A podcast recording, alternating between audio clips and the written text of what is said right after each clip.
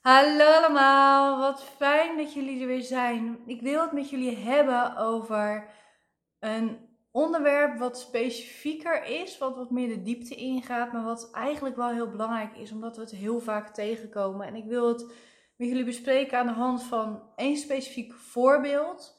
Maar eigenlijk alles wat ik erover vertel valt natuurlijk breder uit en kun je ook weer in andere situaties toepassen en erop reflecteren als je dat prettig vindt tenminste. Want een van de dingen die we best wel mee kunnen maken in ons leven is dat we een vriend hebben, een vriendin hebben, een ouder hebben, een broer hebben, een zus hebben. Die een relatie krijgt met iemand waarvan we voelen: God, dat past niet. Dat is niet prettig, dat is niet fijn. Ehm, er zit iets niet lekker. Eigenlijk is het geen match. En dat kun je natuurlijk in mindere mate voelen dat je denkt: ja, het is het niet helemaal. Tot en met een, natuurlijk een heel intens gevoel van ja, die twee zijn echt niet goed voor elkaar. Of hij of zij is gewoon heel gemeen tegen mijn vriendin, broer, moeder. Verzin het maar. En dan kun je daar zo verdrietig van worden. En een valkuil die we hebben, is dat we ons dan helemaal gaan focussen op die mensen die dan die niet goede relatie hebben. En we ons erin vastbijten. En daar vervolgens weer heel veel last van hebben. Want juist ons intuïtief gevoel is het meestal. Ons intuïtief gevoel of ons emotioneel gevoel kan tussen ons en die vriendin of die vriend in gaan staan. Want wij zien en wij voelen en we hebben door dat die relatie niet goed is. Dat ze veranderen. Of we hebben het voorgevoel intuïtief als hooggevoelig mens dat dat fout gaat en dat het in de toekomst heel veel pijn gaat opleveren. Ik heb het soms wel eens dat ik zelfs beelden zie bij dat een goede vriendin van mij een relatie heeft. En ik zie gewoon dat ze op een gegeven moment kinderen gaat krijgen. En dat ze dan gaan scheiden en dat er zo'n vechtscheiding ontstaat. En ik wil het niet voor haar, ik wil het eigenlijk ook niet voor die partner, ook al vind ik dat geen mens. En ik wil het ook niet voor die kinderen die er gaan komen. Nu is één voordeel wat je hebt bij dat soort voorgevoelens dat de toekomst niet vastlegt. Dat is het lijntje waar ze nu op lopen, het pad waar ze nu op lopen. Maar ze kunnen ook nog van pad wisselen. Kunnen ook nog dingen veranderen. En dat is het eerste wat ik hierover wil zeggen. Of wat ik met je wil delen of met je wil bespreken hierover. Um, wat wij aanvoelen dat die partner niet goed is. Dat die relatie niet goed is voor één of voor beide. Um, dat kan veranderen. Het kan zijn dat het nu inderdaad geen match is, maar dat ze wel naar elkaar toe kunnen groeien, dat ze wel kunnen veranderen. En natuurlijk moet je er niet vanuit gaan dat iemand gaat veranderen, want dat is een uitgangspunt die niet helpend is in je leven. Maar we mogen niet vergeten dat die mogelijkheid er wel is. Dus dat is heel erg belangrijk. Het is ook belangrijk om te reflecteren bij jezelf van goh, wat ik nu voel, hè, dat dit geen goede relatie is of dat deze nieuwe partner van mijn beste vriendin gewoon niet oké is voor haar. Ehm, dat je even mag reflecteren of dat geen emotie is die erin gemengd zit. Of dat nu is omdat die nieuwe vriend je doet denken aan je eigen ex of aan je vader die niet lief was. Of dat je eigenlijk stiekem misschien zelfs een beetje bang bent dat je haar nu minder gaat zien of het verbinding met haar gaat verliezen omdat ze een nieuwe partner heeft. Het vervelende aan emoties in deze situaties is dat we emoties niet altijd bewust voelen. Dus soms kunnen er onbewust angsten en emoties spelen die we niet bewust registreren, maar wel ons gevoel over een relatie of een nieuwe partner van iemand kunnen beïnvloeden. En ik zeg niet dat dat het geval is en het is ook niet verkeerd als je dat hebt. En maar het is wel heel belangrijk om dat te reflecteren van goh, wat ik nu voel, hè, die weerstand die ik nu voel op die partner, die nieuwe partner is dat niet stiekem dat ik een beetje bang ben? Of is dat niet stiekem dat ik gewoon het bepaalde beeld bij diegene heb die over heel iemand anders gaat? Of vertoont die bepaalde gedragingen, bepaalde eigenschappen, bepaalde, bepaalde manieren van doen, die me doen denken aan iemand die ik niet mag en die helemaal niet leuk is? Niet dat je je gevoel moet wegschrijven, absoluut niet. Het gaat er meer om dat je het plaatje voor jezelf compleet hebt waarom je dit zo voelt. Want dat is vaak een van de grootste hulpmiddelen om het vervolgens los te kunnen laten. We kunnen vaak iets niet loslaten wanneer we niet alle puzzelstukjes hebben en niet het complete beeld hebben, omdat daar, wanneer nog niet alles compleet is, onze angst kan gaan lopen. onze angst kan een doemscenario gaan verzinnen, want er zijn nog heel veel open eindjes. En daar kan de angst mee aan de haal gaan om allerlei fantasieverhalen te creëren. Dus het is wel belangrijk om dat te reflecteren. Ehm, het is ook belangrijk om te beseffen dat je niet alles weet. Het is hartstikke leuk dat je dingen aanvoelt en intuïtief goed bezig bent. Absoluut, heb ik ook. Maar we weten niet alles. We weten zeker niet alles wat achter gesloten deuren speelt. En laat ik daar een voorbeeld aan koppelen. Dat er bijvoorbeeld de nieuwe partner van je vriendin ehm, ja, in de sociale setting gewoon niet goed aanvoelt. Dat je echt zoiets hebt van, ze doen niet leuk tegen elkaar, hij negeert er. Ehm, hij is eigenlijk heel egocentrisch, hij pakt nooit drinken. Hij lult overal overheen, hij, hij claimt er eigenlijk, hij leunt helemaal tegen het aan misschien zelfs. En hij geeft er geen ruimte. Ehm, hij gaat tussen ons instaan in de zin van dat hij niet wil dat ze s'avonds laat nog bij jou is. Dus hij gaat heel de controle uitoefenen. Maar je weet niet hoe dat binnen gesloten deuren is. Het kan nog veel erger zijn, zo realistisch mogen we ook zijn. Maar het kan ook zijn dat achter gesloten deuren een hele lieve man is voor je vriendin. Maar dat hij in sociale settings gewoon heel erg onzeker is of heel erg angstig is, omdat hij ook dingen in zijn leven heeft meegemaakt. Waardoor hij zich gewoon geen goede houding weet te geven en rare dingen gaat doen. Maar het kan heel goed zijn dat het achter gesloten deuren een schat van een vent is. En dat het een hele goede relatie voor de rest is, omdat ze erover praten, omdat ze misschien over het aan het werk zijn. En besef ook dat het niet de verplichting van je vriendin is om alles tegen jou te vertellen over wat er in die relatie speelt. Want soms dan delen mensen dingen die zo privé zijn dat ook aan de beste vriendin het niet verteld wordt of aan de zussen niet verteld wordt. Omdat het nog een heel kwetsbaar en emotioneel issue is. Misschien dat die man, die, die nieuwe partner van je beste vriendin wel mishandeld is in zijn jeugd of misbruikt is. Dat zijn geen dingen die ze aan jou gaan vertellen gelijk. Misschien op een later moment wel. Dan gaan ze eerst zelf doorheen werken en zelf een manier van zijn invinden. En dan kan het prima zijn dat hij daardoor heel onzeker is. Dus het is soms ook fijn om te beseffen dat ons intuïtief gevoel relatief kan zijn. Niet altijd is het dat, maar het kan relatief zijn in de zin van hoe de situatie nu is, of de situatie waar we nu met z'n allen in zijn, dat we nu met z'n allen aan het eten zijn, daarin voelt deze relatie niet goed. Dat klopt. Maar je weet niet hoe het achter gesloten deuren is. En natuurlijk kun je daar intuïtief verder op in gaan voelen door jezelf vragen te stellen en daarmee bezig te zijn. Maar intuïtie heeft het in die zin over anderen in de situaties waar emoties meegemengd zijn niet altijd goed. Het is heel vaak zo dat wanneer er iemand dichterbij staat, dat we emotioneler worden. Dat we daardoor minder zuiver onze intuïtie kunnen horen. Dus dan heeft onze intuïtie het minder goed. In die zin, de intuïtie heeft wel goed, maar wij verstaan het minder goed. Dus dat is ook belangrijk om te beseffen dat dat er ook nog aan de hand kan zijn. En dan hebben we nog een ander ding wat we hierover mogen bespreken met elkaar. En dat is dat ook al is een relatie niet oké en niet passend. En zou je, of weet je eigenlijk dat ja, deze vriendin gewoon een, een, een veel betere partner verdient. Die veel meer er voor haar is, haar veel meer op een voetstuk zet, veel meer voor haar zorgt, veel gelijkwaardiger is aan haar. Het kan ook heel goed zijn dat ze dat juist door deze relatie mag leren. Want jij kan het wel zien dat ze beter verdient en dat ze meer verdient en hartstikke lief is en hartstikke goed is. Maar als zij nog een bepaalde onzekerheid heeft, dan mag ze eerst ervaren dat ze inderdaad meer verdient. En dat is niet leuk. En dat is het minst leuke aan het mens zelfs vaak. Maar het is wel belangrijk om die levenservaringen te hebben en op die manier onze zielsles te leren. Dus de les die onze ziel hier op aarde wil leren, om de reden waarvoor het ook hier onder andere is. En heel veel van onze zielsles en heel veel van onze menselijke lessen die leren we juist in verkeerde relaties.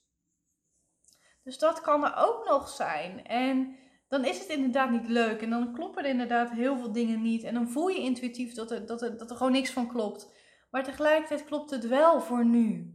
Het kan ook een relatie zijn die voor nu goed is. En in de toekomst niet goed is.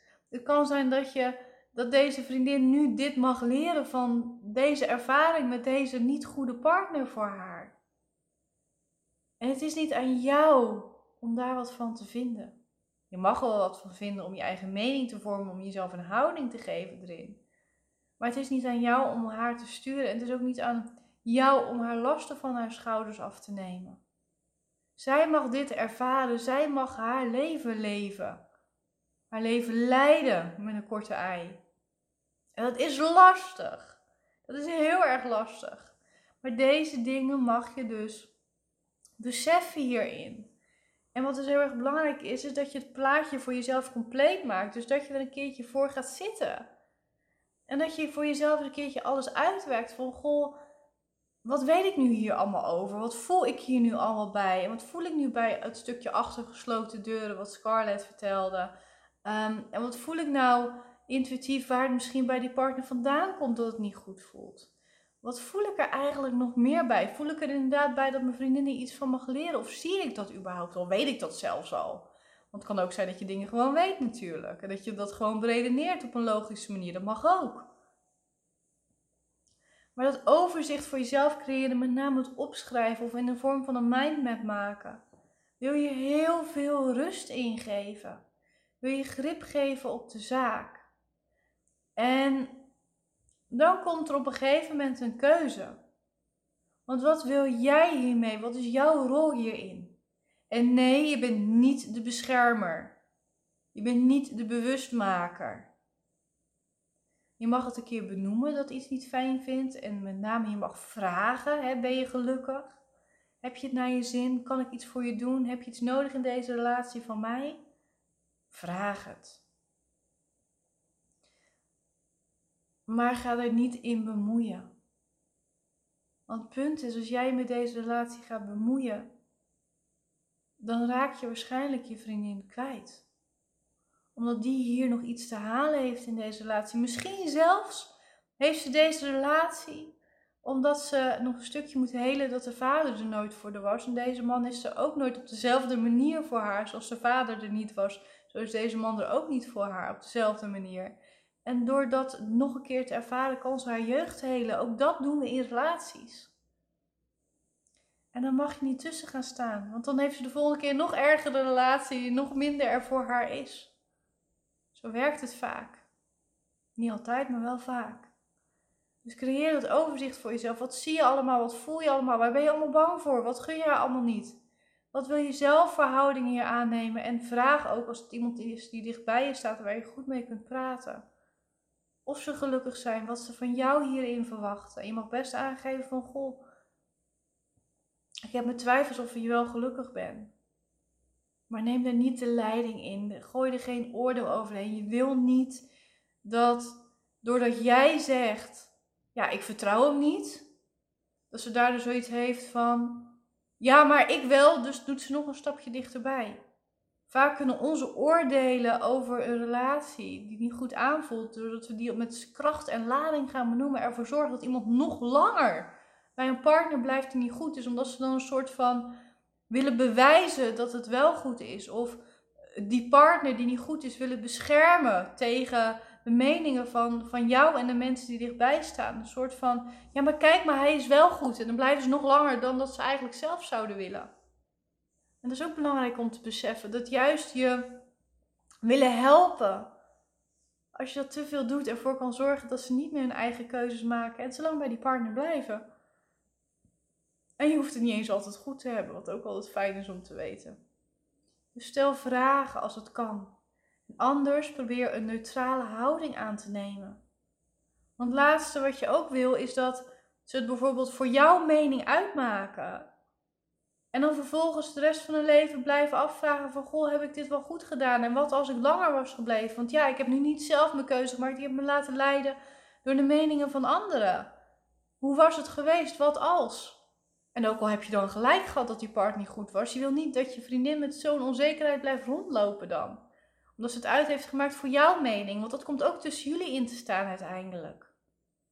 Dus dat is ook nog een stukje in deze puzzel weet het, een hoop puzzelstukjes. Ik hoop dat je het kunt volgen. En dat je het allemaal voor jezelf kunt puzzelen. En er is nog één laatste stuk waar we hier naartoe mogen gaan. En dat is het besef dat we vaak ons willen bemoeien, is het niet, maar het is wel het woord dat in deze context past. Willen bemoeien met de relatie van de ander. Omdat we eigenlijk zelf nog heel veel angsten hebben. We kunnen het niet loslaten, omdat we zelf geleid worden met een korte ei door onze emoties en angsten. Want vaak als we zelf niet helemaal stabiel staan, dan kunnen we niet voorstellen dat een ander wel stabiel genoeg staat om die relatie niet passend is aan te kunnen en daarmee om te gaan. Vaak projecteren we een stukje van onze onzekerheid, onze angst, ons eigen verleden, hoe we ons nu in het leven staan op de mensen die dichtbij ons staan. En denken we dat ze het niet aankunnen of dat ze het op een bepaalde manier ervaren. Terwijl wij hun situatie zo zouden ervaren als wij in die situatie zouden staan. Maar zij het misschien heel anders zouden ervaren. We weten niet hoe de ander het 100% ervaart. We kunnen empathisch invoelen. Maar zij hebben een ander leven geleefd. Zij hebben andere ervaringen dan wij. Zij zijn een ander mens dan wij, dus ze voelen niet alles hetzelfde. En dat is soms ook belangrijk om te relativeren. Want als ik naar sommige relaties kijk, dan zou ik doodongelukkig zijn in die relatie. Omdat het of saai is, of omdat ze niet communiceren. En ik praat heel graag, dat weten jullie ook wel. Terwijl voor die ander het niet communiceren, het niet veel praten, het gewoon stil op de bank zitten en de een game en de ander lezen, bij wijze van spreken, wat echt niet bij mij zou passen, voor jou misschien wel helemaal past. Dus ik kan niet alles aanvoelen, omdat ik dan zeg van, ja, maar dit past niet bij mij, dus dit is niet goed voor jou. Dat is een valkuil die we hebben. Niet dat jij dat nu in deze situatie hebt. Maar wees je bewust van die valkuil er ook bij. Dus projecteren op wat we zelf nodig hebben en vinden op de ander. Dat wil je niet doen, dat helpt niet.